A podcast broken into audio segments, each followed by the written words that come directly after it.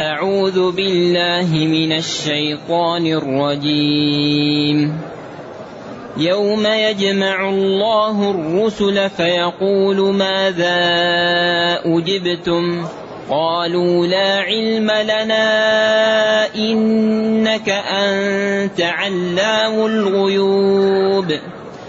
إذ قال الله يا عيسى ابن مريم اذكر نعمتي التي نعمتي التي إذ قال الله يا عيسى ابن مريم اذكر نعمتي عليك وعلى والدتك إذ أيدتك بروح القدس تكلم الناس في المهد وكهلاً وإذ علمتك الكتاب والحكمة والتوراة والإنجيل وإذ تخلق من الطين كهيئة الطير بإذني فتنفخ فيها فتكون طيرا بإذني وتبرئ الأكمه والأبرص بإذني وإذ تخرج الموتى بإذني وإذ كففت بني إسرائيل عنك إذ جئتهم بالبينات فقال الذين كفروا فقال الذين كفروا منهم إن هذا إلا سحر مبين. الحمد لله الذي أنزل إلينا أشمل كتاب وأرسل إلينا أفضل الرسل. وجعلنا خير أمة أخرجت للناس. فله الحمد وله الشكر على هذه النعم العظيمة والآلاء الجسيمة. والصلاة والسلام على خير خلق الله وعلى آله وأصحابه ومن اهتدى بهداه. أما بعد فإن المتأمل في هذه الآيات يجد بينها الربط. لذلك هذا القرآن مترابط ترابط عجيب. وهذه الآية التي كانت بالأمس وقلنا إنها قال العلماء إنها من أكثر آيات القرآن إشكالا إعرابا ومعنى وأحكاما. والسبب في ذلك الإجمال الحاصل فيها من جهات عديدة وهي كانت الأمر بالوصية أو الإشهاد عند الاحتياج. ثم جاء الكلام وأن الرسل أيضا يحتاجون إلى من يشهد لهم. هناك فيما يقع بين الناس وهناك فيما يقع بين الرسل وبين الشرائع التي أرسلوا فيها. فكأن هنا في أمور تقع في الشهادة والوصية في أمور الدنيا وهناك في الشهادة والوصية في أمور الدين وما يقع بين الرسل وأممهم. والحقيقة أن بعض الآيات هي فيها إشكال تحتاج إلى كتابة وتبرز. من جملة هذه الآيات التي لم أقف على كتابة مستقلة فيها آية الوصية هذه يا أيها الذين آمنوا شهادة بينكم. والآية الأخرى آية فلما أتاهما صالحا جعل له شركا أو شركاء فيما أتاهما في القراءتين السبعيتين. بعدين في نهاية المقطع أو الآية فقال فتعالى الله عما يشركون هذه أيضا من الآيات التي فيها إشكال. وكذلك آية الزاني لا ينكح إلا زانية ومشركة. فالآية فيها إشكال. ولذلك أكثر ما يزيل الإشكال أن نحمل المطلق على معنييه وهو النكاح أن نحمله على العقد وعلى الوطء ويكون في حالة الزاني لا ينكح يعني يتزوج إلا زانية. ويكون أو مشركة بمعنى يقع في الفاحشة عليها. وهذا أيضا لا يخلو من بعض الشيء. هناك آيات في القرآن فيها إشكالات. آه، فالحقيقة تحتاج إلى كتابة وإلى بحث فيها خصوصا من طلاب العلم وأهل العلم. وقد ورد عن ابن عباس في أثر ليس بقوي ولكن معناه الصحيح أن القرآن منقسم إلى أربعة أقسام. القرآن بالنسبة لمعانيه منقسم إلى أربعة أقسام. قسم لا يعلمه إلا الله. نعم. كما قال منه آيات محكمات هن أم الكتاب وأخر متشابهات. ثم قال وما يعلم تأويله إلا الله على أصح التفاسير. والراسخون في العلم يقولون آمنا به. ويعضد ذلك التنوين العوض عن جملة. كل أي من المحكم والمتشابه من عند الله. فقول كل من عند الله وتفويضهم يدل على أنهم لم يفهموا. هذا النوع الأول. النوع الثاني يعلمه العلماء. كابن عباس وابن مسعود. وعبد الله بن عمرو بن العاصي وقتادة ومالك والعلماء. وقسم تعلمه العرب من لغتها. كالحرض والرغام والسارب والشواء والدسر. هذه كلمات والإل تعلمها العرب من لغتها. وقسم لا يعذر أحد بجهله به. وذلك ما في الآيات من فروض العين. إذا التفسير من حيث هو منقسم إلى أربع أقسام. قسم لا يعذر أحد بجهله به وقسم تعلمه العرب من لغتها وقسم تعلمه العلماء وقسم لا يعلمه إلا الله. هذا ورد بحديث مرفوع لا يصح. وورد بأثر عن ابن عباس ضعيف ولكن هذا المعنى صحيح. من تتبع القرآن وجد هذا المعنى في القرآن أن القرآن فعلا بهذه الأشياء. إذا هذه الآية قلنا بالأمس وهي شهادة بينكم إذا حضر أحدكم الموت حين الوصية اثنان شهادة مبتدأ أو خبر واثنان فاعل أو آه، يعني خبر. أي شهادة بينكم شهادة اثنين. وكأن اثنان لما آه، حذفت شهادته جعل صارت مقامها وما يلي المضافة يأتي وما يلي المضافة وما يلي المضافة؟ لا. نص الألفية.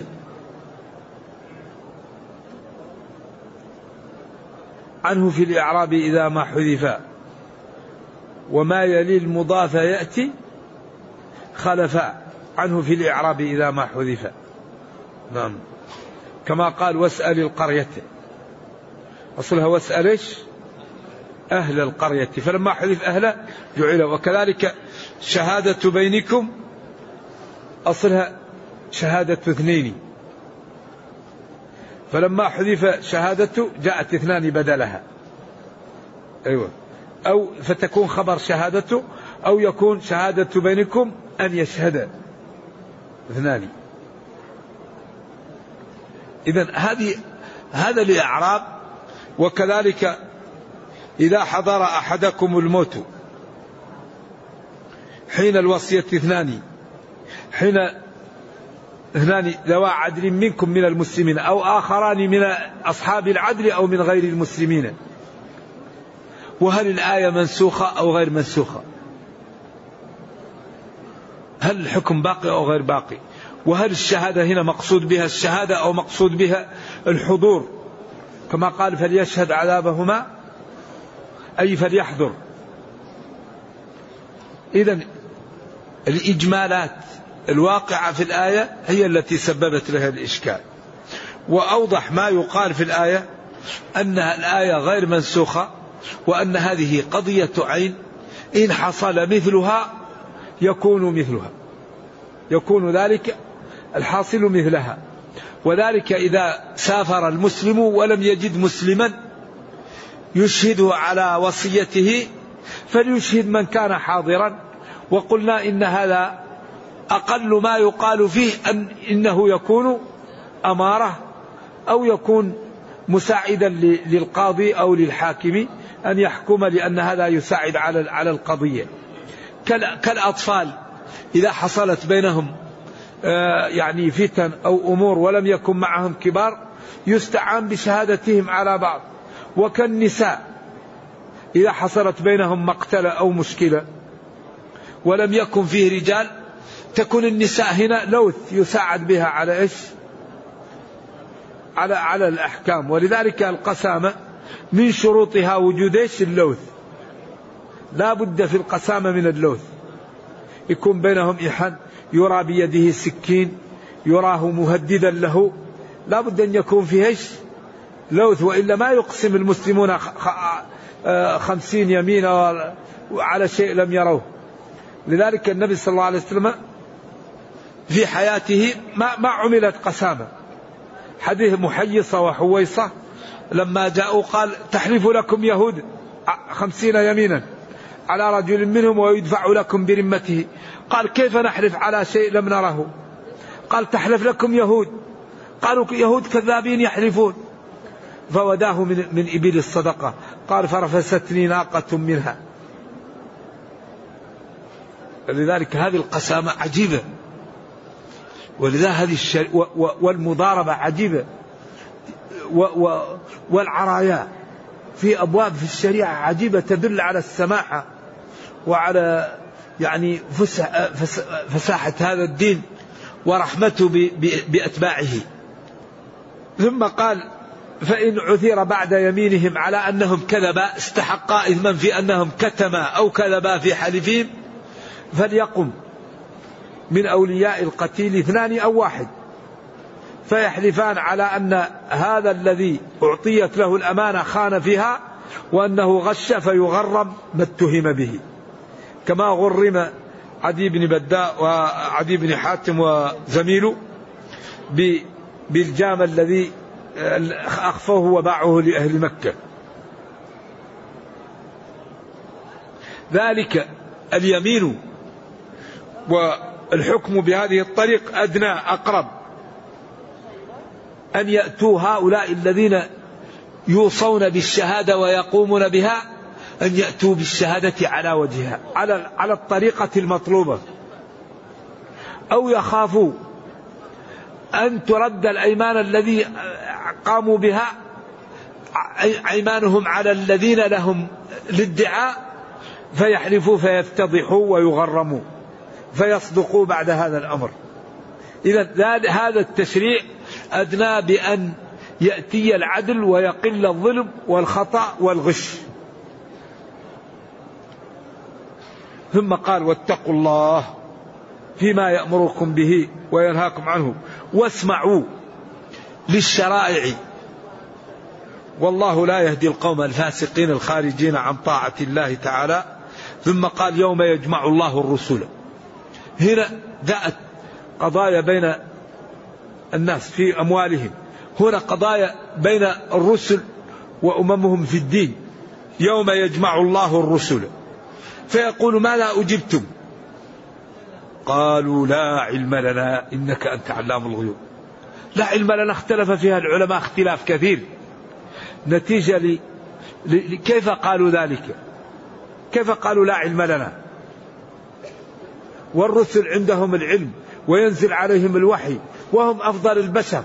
كيف يقولون لا علم لنا؟ إذا اختلف العلماء في هذا. يوم ظرف والظرف لا بد له من عامل يعمل فيه. والعامل هو الاسم المشتق أو ما له يعني صفة المشتق كالمصدر والإشارة يكون متعلق به. ولذلك الظرف والجار والمجرور لا بد لهما من من إيش؟ من اسم مشتق يكون له تعلق به يعمل فيه. ولذلك قال وأخبروا بظرف أو بحرف جر ناوين معنى كائن أو استقر. تقول زيد في الدار. أي مستقر أو داخل. زيد على السطح. تقول دخلت الدار. الدار يعني العامل في الدار دخلت يعني الدخول في الدار جلست على السطح. ولذلك لا بد اليوم من, من اسم مشتق يعمل فيها. ما هو؟ كثير من المعربين يقول اذكر. خلاص اذكر يوم يجمع الله الرسل. وبعضهم يقول لا. واتقوا الله. يوم يجمع الله الرسل. أي واسمعوا. يعني اسمعوا قبل أن يأتي يوم أو خافوا أو احذروا أو انتبهوا أو تأملوا كله يمكن. تأملوا يوم يجمع الله اتقوا يوما اذكروا يوما خافوا يوما فيعلق فيها ما به يكون المعنى يعني سليما. يجمع يحشر. والجمع هو الحشر جمع الله الخلق. يوم يجمعكم ليوم الجمع ذلك يوم التغابن. الدنيا ما فيها تغابن. كل واحد يفرح ويحزن ويستيقظ وينام ويجوع ويشبع. لكن يوم القيامة هو التغابن.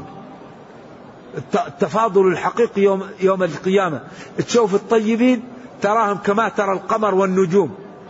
عندهم بيوت مرتفعة وأماكنهم بعيدة نعم. يجمعهم ويحشرهم ويقول لهم ماذا أجبتم. يعني ماذا أجابتكم أممكم. ماذا أجبتم. مبني المجهول. قالوا أي الرسل؟ لا علم لنا. لا علم لنا. كيف ما لا علم لهم؟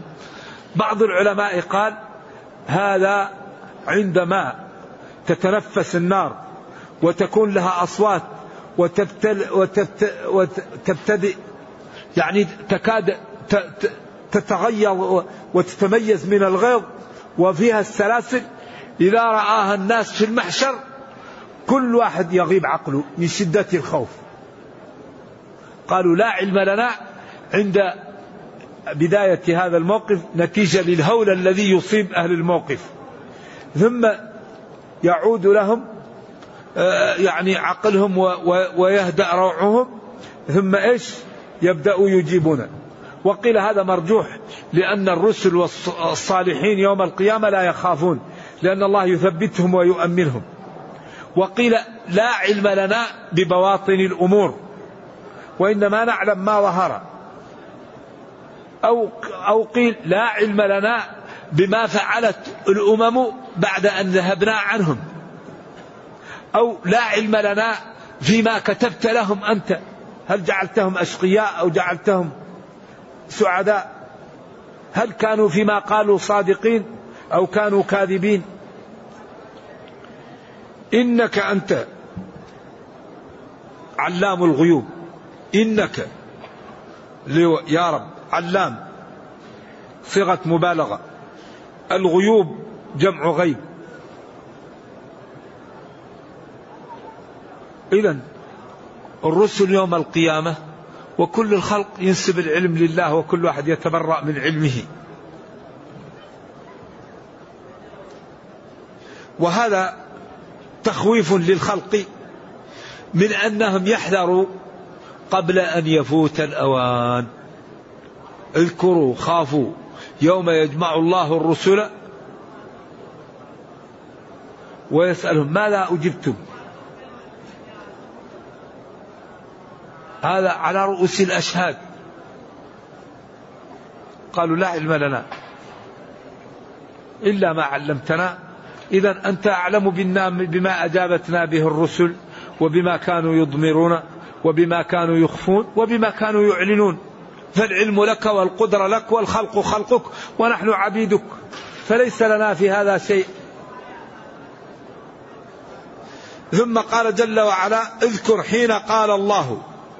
يا عيسى ابن مريم اذكر نعمتي عليك وعلى والدتك. إذ قال الله يا عيسى ابن مريم عيسى نبي الله. ابن مريم. والله قال ادعوهم لآبائهم. فإن لم تعلموا آباءهم فإخوانكم في الدين. لكن الله هو المشرع هو اللي قال عيسى ابن مريم. ونهى أن ينسب الآب الناس الأخرى لأمهاتها. قال ادعوهم لآبائهم. فإن لم تعلموا آباءهم فإخوانكم في الدين ومواليكم. ونبينا صلى الله عليه وسلم قال من كان حالفا فليحلف بالله أو ليصمت. والله قال والتين والزيتون والليل والشمس. الله لا يسأل عما يفعل. وهو المشرع وهو الخالق. إذا عيسى ابن مريم. وعيسى هذا يعني الناس فيه بين إفراط وتفريط. وخصوصا النصارى واليهود. أما المسلمون فهو وسط في عيسى. يقولون هو عبد الله ورسوله وكلمته ألقاها إلى مريم وروح منه. أمر جبريل أن ينفذها في جيب درعها وقالت أنا يكون لي ولد ولم يمسسني بشر. قال كذلك الله. يخلق ما يشاء. إن مثل عيسى عند الله كمثل آدم خلقه من تراب. فبعض اليهود يقولون أن مريم ما كانت طيبة. عياذا بالله. ولذلك اتهموها اتهام في غاية القلاع لكن في ثوب متأدب يا أخت هارون ما كان أبوك امرأة سوء وما كانت أمك باغيا. يعني هذا في غاية الاتهام لكن في ثوب أيوة شديد هذا الاتهام. لذلك الله تعالى برأها بأن أشارت إليه. قالوا كيف نكلم من كان في المهد صبيا؟ المهد هو فراش الطفل. قال إني عبد الله آتاني الكتاب وجعلني نبيا وجعلني مباركا أينما كنت. وأوصاني بالصلاة والزكاة ما دمت حيا وبرا بوالدتي. الله أكبر. إذا هذا تح... هذا تبرئة أيوة. اذكر نعمتي عليك بأن وجدتك بهذه الطريقة وجعلتك رسولا وعلى والدتك. إذا أعطيتكها وأكرمتها وجعلتها من صالح النساء وكمول من الرجال كثير ولم يكمل من النساء إلا آسية بنت مزاحم ومريم ابنة عمران. وفضل عائشة على النساء كفضل الثريد على سائر الطعام. ولم ي... أيوة كمل من الرجال كثير ولم يكمل من النساء إلا القليل. آسية ومريم. ذلك مريم هذه كانت امرأة صالحة. الله اصطفاها وفضلها على نساء عالمها. إذا أعطاها الله هذا الولد وأكرمها به وأكرمه بصلاح أمه. إذ أيدتك بروح القدس. قيل روح القدس يعني هو جبريل على أصح التفاسير وفي أقوال أخرى. تكلم الناس في المهدي. تكلم الناس في المهدي كما ذكر لهم. إني عبد الله آتاني الكتاب. وكهلا بالرسالة. وقيل كهلا بعد أن ينزل. لأنه هو يعني طلع لم يصل إلى سن الكهولة.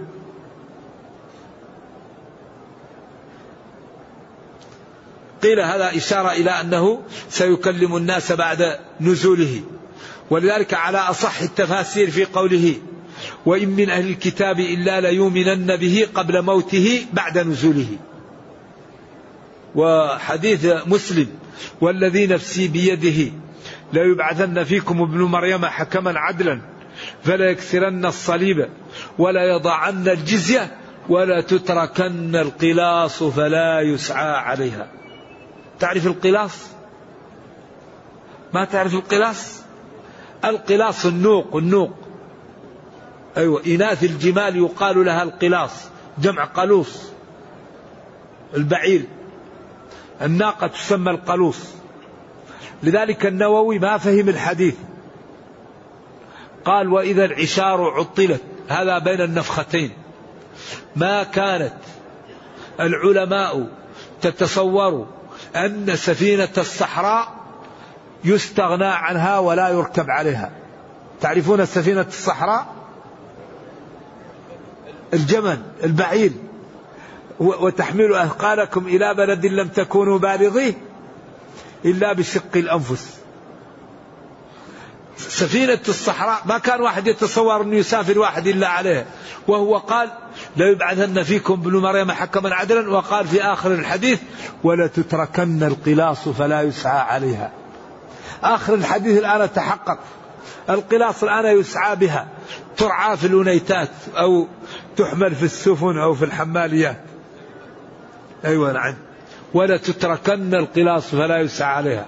هذه معجزة الحقيقة. إذا تكلم الناس في المهدي كما قال لهم إني عبد الله وكهلا بعد نزولك. بعد أن تنزل عليك الرسالة وترفع ثم تعود أو بعد أن يعني تنزل إليك الرسالة على أنه رفع في سن الكهولة. والعلماء اختلفوا في عيسى. هل مات ورفع والذي تدل عليه النصوص وهو الحق إن شاء الله أنه رفع وأنه حي في السماء حياة يعلمها الله. ولذلك قال إني متوفيك ورافعك إلي. والتوفي في اللغة أخذ الشيء كاملا. توفى فلان دينه إذا أخذه كاملا ولم يبق منه شيء. إني متوفيك أي آخذك بجسمك وروحك ورافعك إلي. وقال وما قتلوه وما صلبوه ولكن شبه لهم. وعيسى سينزل وسيقتل الدجال والأحاديث في هذا ثابتة وصحيحة وهو حي حياة يعلمها الله لا نتعدى فيها النصوص. والتحقيق أنه لم يمت ولم يقتل وأنه حي وسينزل في آخر الزمان وهو من علامات الساعة الكبرى. عيسى والدجال والدابة ويأجوج ومأجوج وتأتيك سلك فإذا جاءت هذه يأتي عيسى ويأتي الخيل ثم بعد ذلك يعني آخر شيء تأتي ريح وتقبض أرواح المتقين ولا تأتي الساعة وفي الأرض من يقول لا إله إلا الله.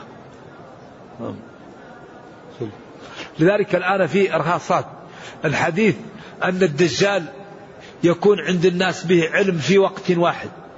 هذا عن طريق إيش؟ الاتصالات.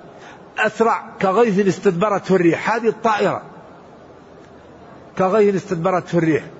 وفي بعض الأحاديث الضعيفة أنه يأتي على بغلة من الحديد الدجال. وأن بين أذن حماره أربعين ذراع والحمار المركوب. فسبحان الله في أشياء يعني القرآن هذا تبيان لكل شيء معجز. ولذلك قال في معرض الامتنان بالمركوبات ويخلق ما لا تعلمون.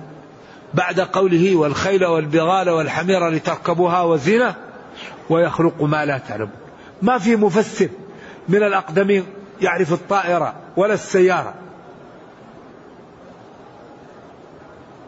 لكن هذا امتنان بالمركوبات. كثير من العلماء قال هذا إشارة إلى الطائرة وإلى السيارة. والقرآن كل ما اكتشف الناس شيئا أخذ المسلمون الكتاب وفتحوا وقالوا هذا في القرآن. ونحن ينبغي أن نخرج هذا من القرآن قبل أن يكشفه هؤلاء. الآن فيروس الكلب. عفروه الأولى أو الثامنة بالتراب. إذا ولغ الإناء في الكلب في إناء أحدكم فليغسله سبعا أولاهن أو أو أخراهن بالتراب. يقول لك ثبت طيب طبيا أن فيروس الكلب تقتله التراب. إذا وقع الذباب في إناء أحدكم فليغمسه هذه معجزات ما عرفت إلا إلا في هذا العصر. دين دين عجيب هذا الإسلام. أيوة فيه سمو وفيه إعجاز. وفيه حكم. ولكن المسلمين نائمون. ينبغي أن نستيقظ ونأخذ الكتاب بقوة ونعطيه الوقت ونتفهم القرآن. نعطيه وقتا. نقرأ نفهم نعمل. يعني أمة الإسلام بأي حق يكون تكون الأمم الكافرة أقوى من الأمة المسلمة. بأي منطق يكون العالم الإسلامي ضعيف والعالم الكافر قوي. ونحن ربنا يقول اعملوا تعاونوا. المؤمن القوي خير وأحب إلى الله من المؤمن الضعيف. وقل اعملوا. اللهم إني أعوذ بك من العجز والكسل. يعني ينبغي لنا أن نتقوى وأن نعمل وأن نجتهد وأن نهتم بطرق العز. أكبر ما يعز الأمة ما هو؟ أكبر ما يعز العلم. لا يوجد شيء أعز من العلم. لذلك في الغرب أربح شيء عندهم العلم. العلم يبيعونه كما نبيع الماء. يبيعون يشترون علم ويهتموا به وأربح شيء عندهم العلم. لذلك هم يترقون. والمسلمون أزهد ما يزهدون فيه العقول. طيب والذي يزهد في العقول إيش النتيجة؟ الضعف. لذلك لا يوجد شيء أهم من نتواصل وأن نتعاون عليه من أن نهتم بالعلم. العلم ما العلم؟ العلم يرفع العلم يعز العلم يحمي العلم يأتيك بالمتعة. العلم يلزمك بالإخلاص. الذي يدرس لأجل الشهادة أو لأجل العيش أو لأجل الوظيفة أو لأجل المكانه إذا تعلم يخاف ويخلص. لأنه يعلم أن عدم الإخلاص يجعل صاحبه إيش؟ لا يأخذ الأجر فيخاف. لذلك بعض السلف قالوا تعلمنا العلم لغير الله فأبى العلم أن يكون إلا لله. العلم عجيب. لذلك أهم ما نهتم به العلم نتكلم بعلم نقبل بعلم نرفض بعلم نسكت بعلم نبني حياتنا على العلم. فإذا بنينا الحياة على العلم استنارت الحياة وأصبحت حياتنا فيها النور وفيها الخير وأصبحت بيننا الألفة والمحبة والعزة والإيثار والرفق وأصبحنا أقوياء كما أخبر ربنا عنا كنتم خير أمة أخرجت للناس. فحري بنا أن نهتم بالعلم. إذا يقول إذا أيدتك بروح القدس وهو جبريل تكلم الناس في المهدي أي في الصغر وكهلا في النبوة وأنت كبير واذكر حين علمتك الكتاب آه، آه، الإنجيل. والحكمة وهو الفهم والإصابة في الرأي والعمل بما فهمت من الخير. لأن الكتاب هي الكتب والحكمة هو إصابة الرأي والفهم السليم لهذا الكتاب. نعم. والتوراة والإنجيل. أيوة هذا من عطف الخاص على العام لأن الكتاب يعني يدل على الاهتمام. وإذ تخلق واذكر حين تخلق من الطين كهيئة الطير بإذني أي بإرادتي فتنفخ فيها تنفذ فيها فتكون طيرا أو تكون طائرا بإرادتي. قال بإذني بإذني ليدل على أن عيسى لا يمكن أن يخلق وإنما الخالق الله. فخلق عيسى بإرادة الله لأن الخلق من خصائص الربوبية. لذلك الذي يحيا بنفخ عيسى فيه يطير فإذا غاب عنهم يموت. لا يبقى حيا. كما قالوا نعم. وتبرئ الأكمه الذي يولد أعمى. والأبرص وهو عياذا بالله تغير الجلد التي تحافظ على اللون. بإذني. وإذ تخرج الموتى أحياء من القبور بإذني. كل هذه الأمور نعم ومعجزات أعطاها الله لعيسى ليدل على هذا الذي أعطاه الله وليؤمن به قومه. فقلنا إن اليهود اتهموه وأن النصارى عبدوه. لذلك أصبحت الفرق فيه بين إفراط وتفريط. أما أهل السنة والمسلمون قالوا عبد الله ورسوله وكلمته ألقاها إلى مريم وروح منه وأنه يعني مخلوق من مخلوقات الله اصطفاه وجعله رسولا. كما قال الله تعالى ردا عليهم كانا يأكلان الطعام. كانا يأكلان الطعام. هذا المقصود به العجز والافتقار.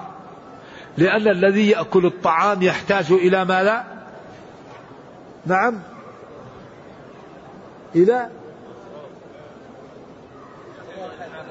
إلى إلى قضاء الحاجة.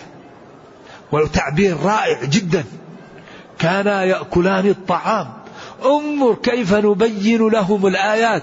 ثم انظر أنها يؤفكون. كيف يصرفون؟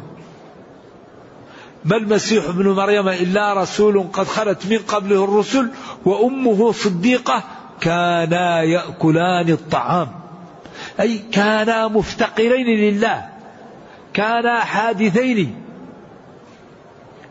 أيوة. ليست فيهم صفات الألوهية. انظر كيف نبين لهم الآيات ثم انظر أنا يؤفكون. لذلك هذا الكتاب لا يبقى في المكان الذي يفهم فيه ويوضح فيه كفر ولا إلحاد. لا يبقى على وجه الأرض مع القرآن إلحاد وكفر إذا بين للناس وفهموا. ولكن من أكبر أسباب بعد الناس عن هذا القرآن جهلهم باللغة العربية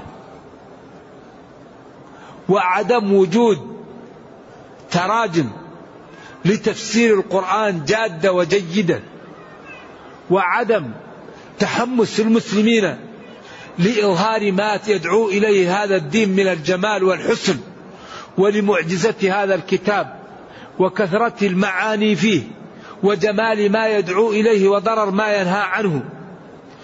المسلمون في هذا الجانب متكاسلون وفهمهم للغتهم قاصر مما يجعل إدراكهم لهذا الكتاب قاصرا. فحري بنا أن نتقوى في اللغة العربية حتى ندرك هذا الكتاب. وحري بنا أن تكون لنا مؤسسات جادة تظهر للعالم جمال هذا الدين وحسنه ممثلا في كتاب ربنا. الذي أخبر ربنا أنه لا يأتيه الباطل من بين يديه ولا من خلفه تنزيل من حكيم حميد. لو أنزلنا هذا القرآن على جبل لرأيته خاشعا متصدعا من خشية الله. هذا الكتاب الذي لا توجد فضيلة إلا وهي مبينة فيه ولا يوجد شر إلا وهو منفر منه. وقد أمر بالعز وبالاتحاد وبالعمل وبالتغاضي وبإكرام الناس وبالرفق وبكل فضيلة. أمر بكل فضيلة ودعا لكل خير ونفر من كل رذيلة ونهى عن كل شر وامتن علينا بهذا الكتاب وقال لنا أولم يكفهم أنا أنزلنا عليك الكتاب يتلى عليهم؟ أبعد كتاب الله يحتاجون إلى شيء؟ فلا بد أن نعطي للكتاب وقتا. لا بد أن نقرأ القرآن. لا بد أن نقف عند أوامره وننفذها. لا بد أن نقف عند نواهيه ونجتنبها. لا بد أن نتأدب بآدابه ونتخلق بأخلاقه. فإن ربنا قادر وكريم فإن فعلنا ذلك أعطانا ما نريد ودفع عنا ما نخاف. منه. فالرب كريم كريم وقادر ولا تخفى عليه خافية. فإن العبد أراد الخير وعمل ما يستطيع في سبيله وفقه الله ودفع عنه الشر وجلب له الخير وجعله قدوة حسنة وأعطاه في الدنيا ما يريد وكان يوم القيامة من المتقين. أما الذي لا يعطي وقتا لكتاب ربه ولا يقرأه ولا يحفظه ولا يمتثل أوامره ولا يجتنب نواهيه فلا يستفيد من هذا الكتاب. لذلك ينبغي لكل واحد منا أن يكون دائما له حزبه من القرآن له ورده منه. كل يوم يقرأ كل يوم يفهم كل يوم يعمل وحتى يستنير عقله ويقوى إيمانه فيغمره ربه بالخير فإن دعاه أعطاه وإن طلب منه شيء يريده أعطاه له وإن استعاذ من شيء أعاذه منه وإن أراده شخص دمره ربه. من عادى لي وليا فقد آذنته بالحرب. إذا فقال الذين كفروا منهم إن هذا إلا سحر مبين. أي ما هذا الذي جئتنا به إلا سحر واضح لا لبس فيه. سحر وساحر. ما هذا الذي جاءنا إلا ساحر؟ أو ما هذا الذي جئتنا به إلا سحر مبين. وهذا عياذا بالله يدل على أن الذي طمست بصيرته لا ينفع فيه المعجزات ولا ينفع فيه النصح. هؤلاء يرون عيسى يعمل هذه الأمور وهو بينهم ومع ذلك يكذبون ويقولون هذا ساحر أو سحر. هذا الذي جاءكم ساحر أو هذا الذي جاءكم به سحر. هو ساحر أو الأمر الذي جاء به سحر. نرجو الله تعالى أن لا يطمس بصائرنا وأن يرينا الحق حقا. ويرزقنا اتباعه وأن يرينا الباطل باطلا ويرزقنا اجتنابه وأن لا يجعل الأمر ملتبسا علينا فنضل. اللهم أصلح لنا ديننا الذي هو عصمة أمرنا وأصلح لنا دنيانا التي فيها معاشنا وأصلح لنا آخرتنا التي إليها معادنا واجعل الحياة زيادة لنا في كل خير والموت راحة لنا من كل شر. اللهم اغفر لنا ذنوبنا كلها دقها وجلها أولها وآخرها. علانيتها وسرها. اللهم إنا نسألك من خير ما سألك من محمد صلى الله عليه وسلم وعبادك الصالحون. ونعوذ بك من شر ما استعاذك من محمد صلى الله عليه وسلم وعبادك الصالحون. سبحان ربك رب العزة عما يصفون وسلام على المرسلين والحمد لله رب العالمين. والسلام عليكم ورحمة الله وبركاته.